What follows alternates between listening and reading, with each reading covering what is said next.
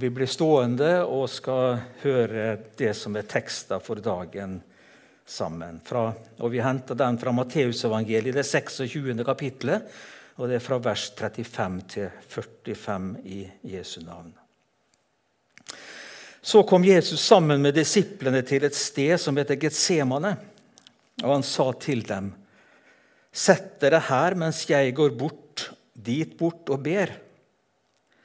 Han tok med seg Peter og de to CBDU-sønnene, og han ble grepet av sorg og gru. Da sa han til dem, min sjel er tynget til døden av sorg. Bli her og våk med meg. Han gikk fram et lite stykke, kastet seg ned med ansiktet mot jorden og ba, Min far, er det mulig? Så la dette beger gå meg forbi. Men ikke som jeg vil, bare som du vil. Da han kom tilbake til disiplene og fant dem sovende, sa han til Peter.: Så klarte dere ikke å våke med meg en eneste time. Våg og be om at dere ikke må komme i fristelse. Ånden er villig, men kroppen er svak. Igjen for andre gang gikk han bort og ba, min far, om ikke dette beger kan gå meg forbi, og jeg må drikke det, så la viljen din skje.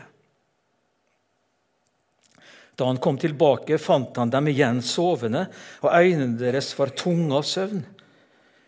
Nå forlot han dem og gikk på ny bort og ba den samme bønnen for tredje gang. Så kom han tilbake til disiplene og sa, 'Dere sover og hviler fremdeles.' Nå er stunden kommet da menneskesønnen skal overgis i synderhender. Amen.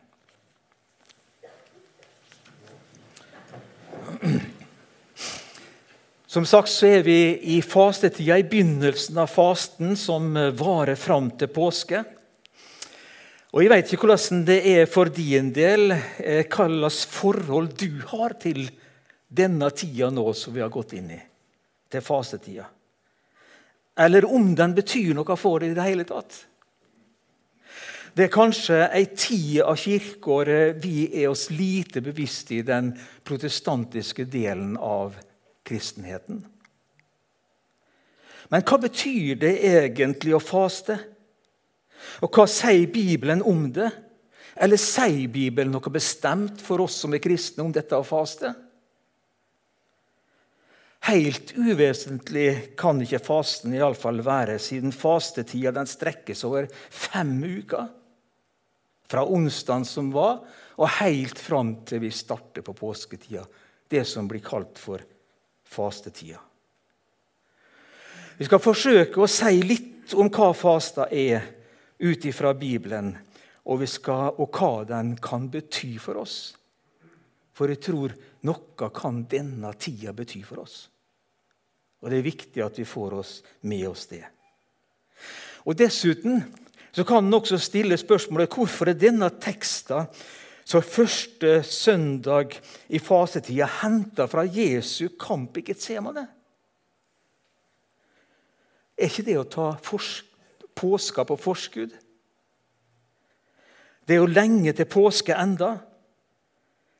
Og, eller er det slik at egentlig påska den starter allerede med fasten?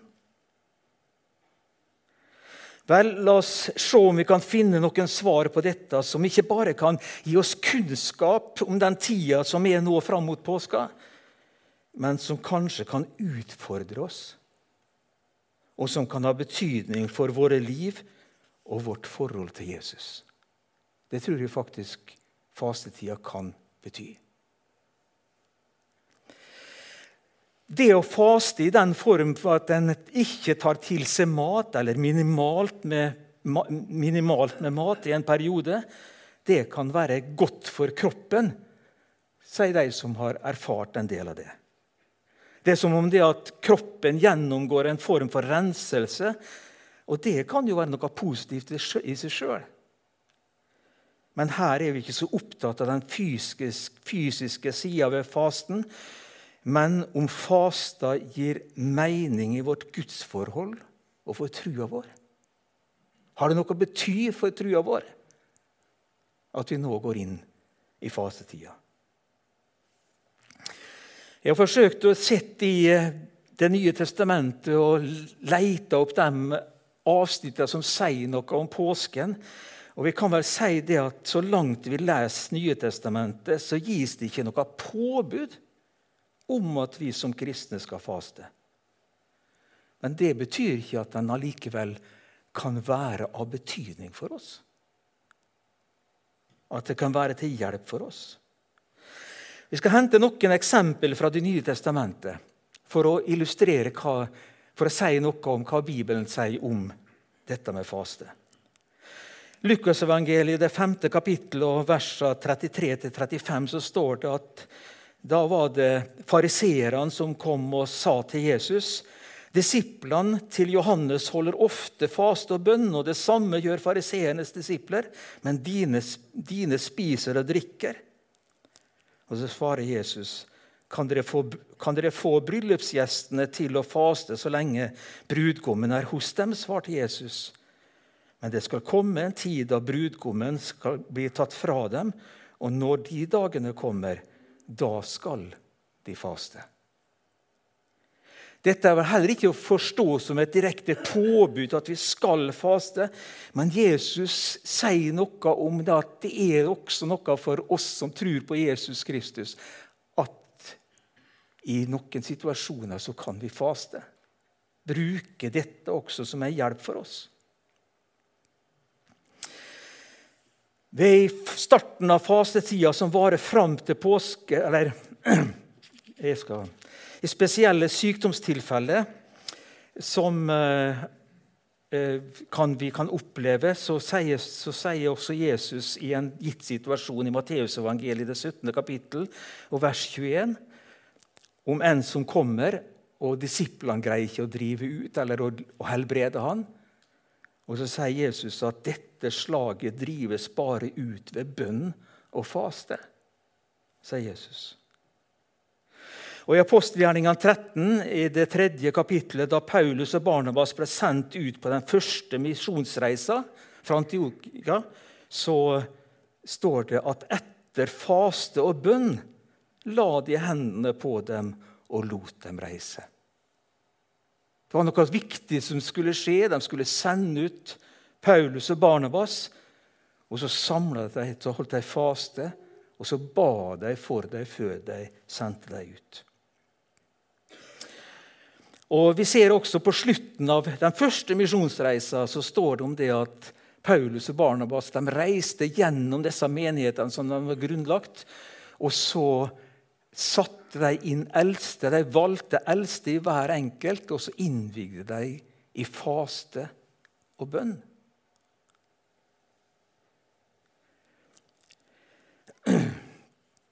Og Vi ser også i Matteusevangeliet, det sjette kapittelet og det 16. verset, og et par vers utover der, at det er ikke det ytre som betyr noe av dette at jeg faster, faste, men, men det er det indre, hva dette gjør med oss, vårt eget sinn.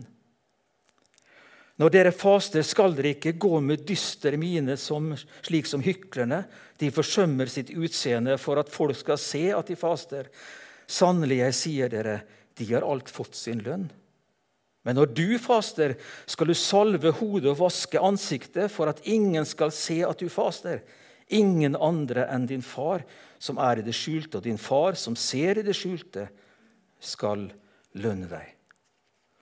Og Vi kan ta med oss også et ord fra Joel fra Det gamle testamentet, der han sier det andre kapittelet og 12. til 16. verset.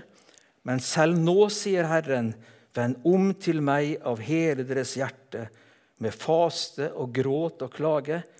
Riv hjertet i stykker, ikke klærne. Vend om til Herren, deres Gud, for Han er nådig og barmhjertig, sen til vrede og rik på miskunn. Og Her ser vi det at det er ikke det ytre nødvendig, men det indre. At vi i vårt sinn er i faste. Og Vi skal komme inn på det, hva det betyr. Det står faktisk ikke så mye mer i Det nye testamentet om faste enn det som vi har nevnt nå. Så det står ikke så mye. Og vi kan undre oss hva sier dette om fasten? Hva er denne tida for oss? Det ser ut som det at Nytestamentet omtaler fasten som noe som ikke er påkrevd, som vi allerede har nevnt, men at fasten likevel kan være til hjelp for oss kristne. Og særlig når at viktige ting står på spill. Det så vi. At de skulle sende ut noen som skulle reise på den første misjonsreise. At de skulle sette inn eldste i de forskjellige menighetene i første kristne tid. Viktige ting sto på spill. Og Derfor så fasta de og var i bønn. Eller det kan være at en opplever ei personlig, krevende livssituasjon. Så kan det også være på sin plass å faste og be, som blir bedt om. Og Faste er da å forstå som at en kan avstå fra noe, forsake noe, for i større grad kunne ha fokus på bønn og den nære Guds relasjon i ei krevende tid. Og få hjelp gjennom det. Vi skal komme litt mer tilbake til det. Men først I dag er vi på mange måter i en svært krevende tid, hvor freden i Europa trues. Russland nekter Ukraina å være en selvstendig nasjon og har gått til storstilt angrep på landet i en krig med store tap av menneskeliv og hundretusener på flukt. Vi har alle sammen fulgt med i nyhetsbildet på denne saken. Vi skal ikke si så mye om denne krigen her, men vi har som kristne én mulighet som kanskje ikke mange andre tenker på, og som har en veldig kraft i seg sjøl. Og det at vi kan venne oss til den allmektige Gud i bønn om at krigen må stoppe, og at ukrainerne fortsatt kan få leve i frihet og fred. Og jeg er sikker på at alle sammen av dere den siste tida, siste vel uka, har vært i bønn nettopp om det. Men jeg vil allikevel, nå som vi er samla som menighet, bruke noen minutter der vi kan være i bønn for denne alvorlige krisa som vi er i. Som først og fremst rammer Ukraina, men som i verste fall også kan true freden i Europa og i verden. Jeg vil at vi hver enkelt i stillhet kan være i bønn ut fra noen bønneemner som vi løfter fram, og at vi i fellesskap sånn kan legge dette framfor vår allmektige Gud. La oss derfor være i bønn. La oss be om at krigen i Ukraina må få en slutt.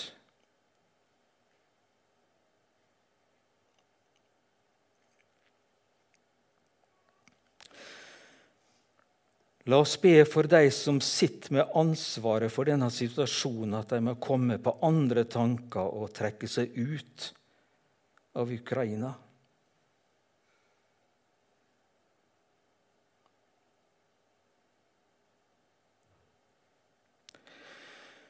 La oss be for lederne og folket i Ukraina.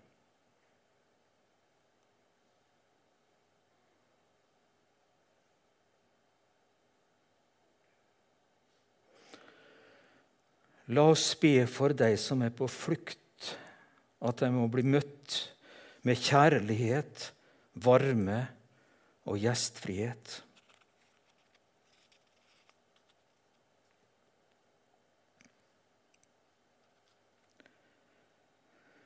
La oss be opp at alle som er redde og kjenner på frykt i denne situasjonen, må finne sin trøst i Jesus Kristus.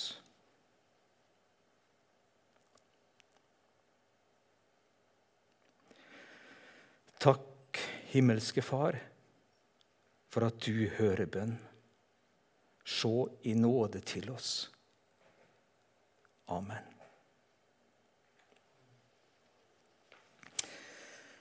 Så tilbake til det som er teksta for dagen.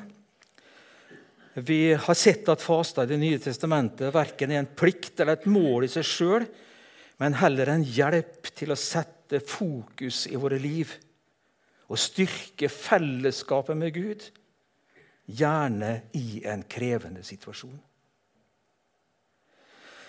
Videre så er, det, er dagens evangelietekst med på å understreke at fastetida, selve fastetida den er knytta til påska. Det er ikke uvesentlig at fastetida at bruker altså fem uker i forkant av, fast, av, påsken, som er fastetid, der vi skal, som leder fram til påsken, og som forbereder oss til det som skjer i påska. Og Tekster for denne søndagen i fastetida leder oss som vi har hørt, rett inn i noe av det som er klimaks i selve påska, nemlig Jesu kamp i Getsemane. Vi kan si det at Jesus hadde en veldig kamp når han ble tatt til fange og når han hang på korset. Men jeg tror faktisk kampen var større når han kjempa i Getsemane, der han blir grepet av angst og gru. Og Vi skal prøve å konsentrere oss eh, om to begrep i denne teksten for å prøve å klargjøre det. For det som egentlig skjer her. For det første så er det en formidabel kamp til det ene begrepet. En kamp i Getsemanehagen denne dagen. Jesus kjemper sin aller største kamp. Og Vi skal forsøke å se inn i noe av denne kampen som Jesus kjemper for oss i Getsemane og hva det sier oss også om hva det kosta Jesus å frelse oss. Og For det andre så dreier det seg om det som disiplene av Jesus ble bedt om i denne situasjonen. Og det var disse to ordene våk og be. Våk og be. For det første Jesu kamp i Getsemane. Når vi følger Jesus inn i Getsemane, så, ser vi en annerledes Jesus enn det som vi har sett før. Og jeg tror disiplene var overraska over det som nå preger Jesus. Han er grepet av sorg og gru. Det har ikke skjedd med Jesus før når han vandra sammen med disiplene. Altså han som er Guds sønn, sendt av sin far med et helt bestemt formål, nemlig å frelse oss mennesker fra våre synder og vår skyld, gjennom å ta den skyld og straff som er vår, på seg, og lide og dø under Guds dom for å kjøpe oss fri. Vi ser at han som inntil denne dag har virka så trygg og sterk i alle situasjoner, kom i dødsangst. I en enorm personlig kamp, slik som også Lukasevangeliet i i det 22. kapittel og 44 vers beskriver. Og han kom i dødsangst og ba enda mer inntrengende, så svetten falt som blodstråper ned på jorden. Og Det er vår tekst i vers 38.: Min sjel er tynget til døden av sorg. Ja, han ber til og med om å få slippe unna. Så stor kamp er det han kjenner på at han skulle gjerne vært foruten. Han vil på en måte finne en utvei. Men allikevel så ber han ikke som ikke la min vilje skje, men la din vilje skje. Og Vi leser i det, tredje, tredje, det 39. verset i vår tekst. Min far, er det mulig, så la dette begeret gå meg forbi, men ikke som jeg vil, bare som du vil. Tre ganger går han tilbake til det samme sted, kaster seg til jorda og ber igjen. Er det mulig? Er det mulig å slippe unna? Allikevel ikke som jeg vil, men som du vil. Det var ikke mulig. Han måtte gå denne tunge frelses, lidelsesveien opp mot Jerusalem, bli tatt til fange, tåle spott og hån, piskeslag og til slutt lide korsdøden. Det var ingen annen vei utenom dersom han skulle fullføre det han var kommet for å gjøre for å frelse oss. For å frelse meg og det. Og Nettopp det er en viktig del av fastetida, dette å ha fokus på hva kosta det virkelig Jesus å frelse oss. Vi kan trolig ofte ta det lettvint. Det er så lettvint å tenke ja, vi får jo tilgivelse for vår synder for Jesus skyld. Men det var ikke enkelt for Jesus. Og Vi ser noe av det her også i vår tekst. Vi har nevnt det. Han ble grepet av angst og gru. Han lir dødsangst. Han kjemper slik at svetten dryper som, dryper som blodstråper mot jorden. Og han ble forlatt av sine. Ikke engang hans aller nærmeste venner de tre han tok med seg helt inn i Getsemane, ikke engang de greide å våke en time med ham. Det var hans kamp. Hans kamp alene. Han kunne ikke støtte seg på noen andre. Det var hans kamp. I Filippenserbrevet, det andre kapittel, og vers 6-8, så står det også en sentral beskrivelse hva det virkelig kosta Jesus å frelse oss. Og Det har med Jesu fornedrelse å gjøre, som er som en slags hymne der i, i Filippenserbrevet 2. Han var i Guds skikkelse og så det ikke som rov å være Gud lik, men ga avkall på sitt eget, tok på seg tjenerskikkelse og ble menneske lik. Da han sto fram som et menneske, fornedret han seg selv og ble lydig til døden, ja, døden på korset. Av egen fri vilje så går han inn i det og fornedrer seg sjøl. Fra det aller, aller høyeste, det å være Gud lik, til det aller, aller dypeste til å lide døden, ja, ikke bare døden, men døden på korset, og bli hengt på forbannelsens tre. Fra å være Gud lik til å være under forbannelse for mi og din skyld. Det var den veien som Jesus måtte gå for å kunne frelse oss. Og siden vi er bare mennesker og ikke kan se dette egentlig fra Guds perspektiv, så har vi egentlig ikke forutsetning for å se hva det egentlig betyr, hva det virkelig koster Jesus. Dette å sitte ved hos sin far i himmelen, være Gud lik, og måtte gå denne fornedrelsesveien. Det er Gud som gjør det sjøl. Vi kan ane det, men ikke se dybden i det. Hva han måtte gjennomgå og tåle for vår skyld. En av lesetekstene for dagen i dag sier det slik i Brevbrevet 5. Da Jesus levde som menneske, bar han fram bønner og nødrop med høye skrik og tårer til Han ham som kunne frelse ham fra døden. Og han ble bønnhørt fordi han var gudfryktig, enda han var sønn, lærte han lydighet ved å, lide. Da han hadde nådd fullendelsen, ble han opphav til evig frelse for alle dem som adlyder ham. At det står her at han ble bønnhørt, må nok bety det. Forstå slik at han fikk kraft til å fullføre det han var kommet for. For sjøl om han var Guds sønn, altså, så var denne kampen så stor at han måtte lære lydighet ved å lide.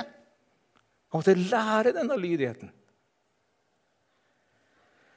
Og han måtte gjøre det for å oppnå fullendelsen for sitt oppdrag, som det sto her i, i det verset som vi siterte. Opphav til evig frelse for alle dem som adlyder ham, for det og vi som lever i tru på ham. Ser du noe av det det kosta Jesus å frelse deg? Hva han måtte betale for at du skulle gå fri? Ser du hvor høyt du er elska av Gud? Han som var villig til å ofre sin sønn. Ser du hvor høyt du er elska av Jesus, han som var villig til å lide og dø for din skyld, selv om det kosta han så mye som vi nå har hørt om, og som vi aner litt av. Og han gjorde det fordi han elska det.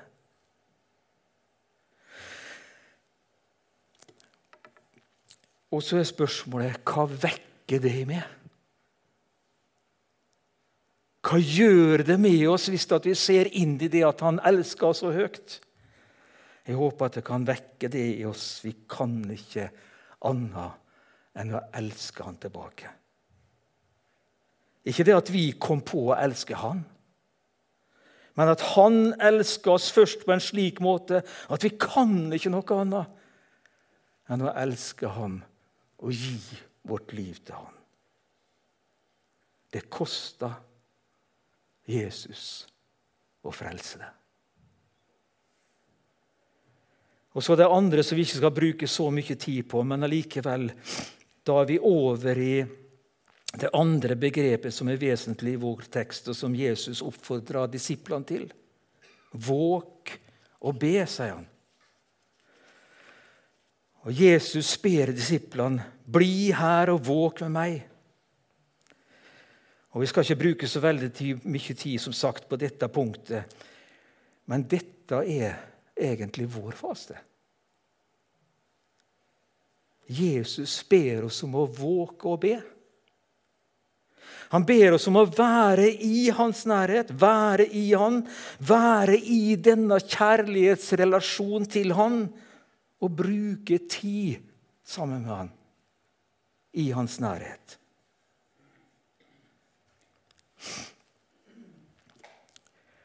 Og det er sikkert noe i ditt liv også som du kan forsake nå i denne tida fram til påske. Sett det til side for at du kan få lov til å bruke enda mer tid sammen med Han. Og være i denne kjærlighetsrelasjonen med Jesus. Men når vi slik kommer inn i Guds nærhet, så kommer vi heller ikke utenom at det ofte faktisk fører til et oppgjør i våre liv. For slik er det å leve i Guds lys. I den gammeltestamentlige teksten for denne søndagen som henter fra 2. Samuels bok 12, så forteller det om Natan som kommer til David etter at David hadde tatt Batseba til seg og sendt mannen hennes ut på en utsatt plass i krigen, slik at han falt om og døde. Og gjennom en lignelse får Natan sagt til David det er du som er mannen. Det er du som er den skyldige. Du har synda imot mennesker og Gud. Redninga for David, det var det han fornekta ikke hva han hadde gjort. Men han lot Guds lys lyse innover sitt liv og avsløre seg og bekjente sin synd innenfor Gud. Og han fikk tilgivelse. Han fikk utfrielse. Lever vi i lyset med våre liv i Jesu nærhet, får vi lære mye både om oss sjøl og om Gud. Vi får bl.a. lære mer om de dybdene i oss som gjorde det nødvendig for Jesus å frelse oss. Og Da er det ikke først og fremst at vi har gjort de de syndene som er problemet. Men det som er det største problemet, er dette at vi har noe i oss sjøl som gjør at vi har ingen mulighet til å fri oss fra vår egen syndige natur. Dess mer vi prøver å fri oss fra vår syndige natur, dess mer går det opp for oss hvor virkelig vi sitter fast i gjørma. Slik er det med den naturen som vi har i oss sjøl. Men det var slike mennesker Jesus kom for å frelse. Og vi får erfare hvor fullstendig avhengige vi er av Guds nåde i våre liv. En nåde som Han overøser oss i fullt mål med. Og Det er det vi opplever når vi lever livet sammen med Jesus, at nåden den blir bare større og større og viktigere og viktigere for oss. Hvordan kan da fastetiden få større betydning for oss? Vi kan sette av tid sammen med Jesus. Så enkelt praktisk. Ta tid til å lese og høre Guds ord. Ta tid til bønn. Være i stillhet hos Han og ha fokus på hva Jesu frelsesverk kosta ham. Leve i lyset med våre liv til oppgjør, utfrielse og nytt liv. Og at det slik får prege våre liv, dette at vi får være sammen med Jesus. I den hymnen som vi siterte fra i Filippenserbrevet 2, der sies det innledningsvis slik og bruker på en måte denne hymnen for Jesu fornedrelse som begrunnelse for innledninga. Og Der står det 'La samme sinnelag være i dere', som også var i Jesus Kristus. I fellesskapet, i kjærlighetsrelasjon med Jesus, så blir vi prega av Han, av Hans sinnelag. Ikke som noe altså vi skal få til i oss sjøl, men noe som Gud vil virke i våre liv når vi får møte Jesus sinnelag og se inn i Jesu kjærlighet til oss, og hva det kosta Han å frelse oss og kjøpe oss fri fra syndens og dødens makt og sette oss over i Guds, rikes, i Guds rike. Da kan Han få prege våre liv. Og til slutt så ville jeg bare enkelt at vi skulle ta med oss ett spørsmål og én utfordring å tenke på videre. Spørsmålet ut ifra det som vi har prøvd å minne hverandre om i dag, er dette Hva gjør denne Jesu kjærlighet med det og ditt liv? Hvordan får Jesu kjærlighet virke i ditt liv? Og det andre et ønske for fastetida. Gi Jesus rom og fokus i ditt liv. Amen.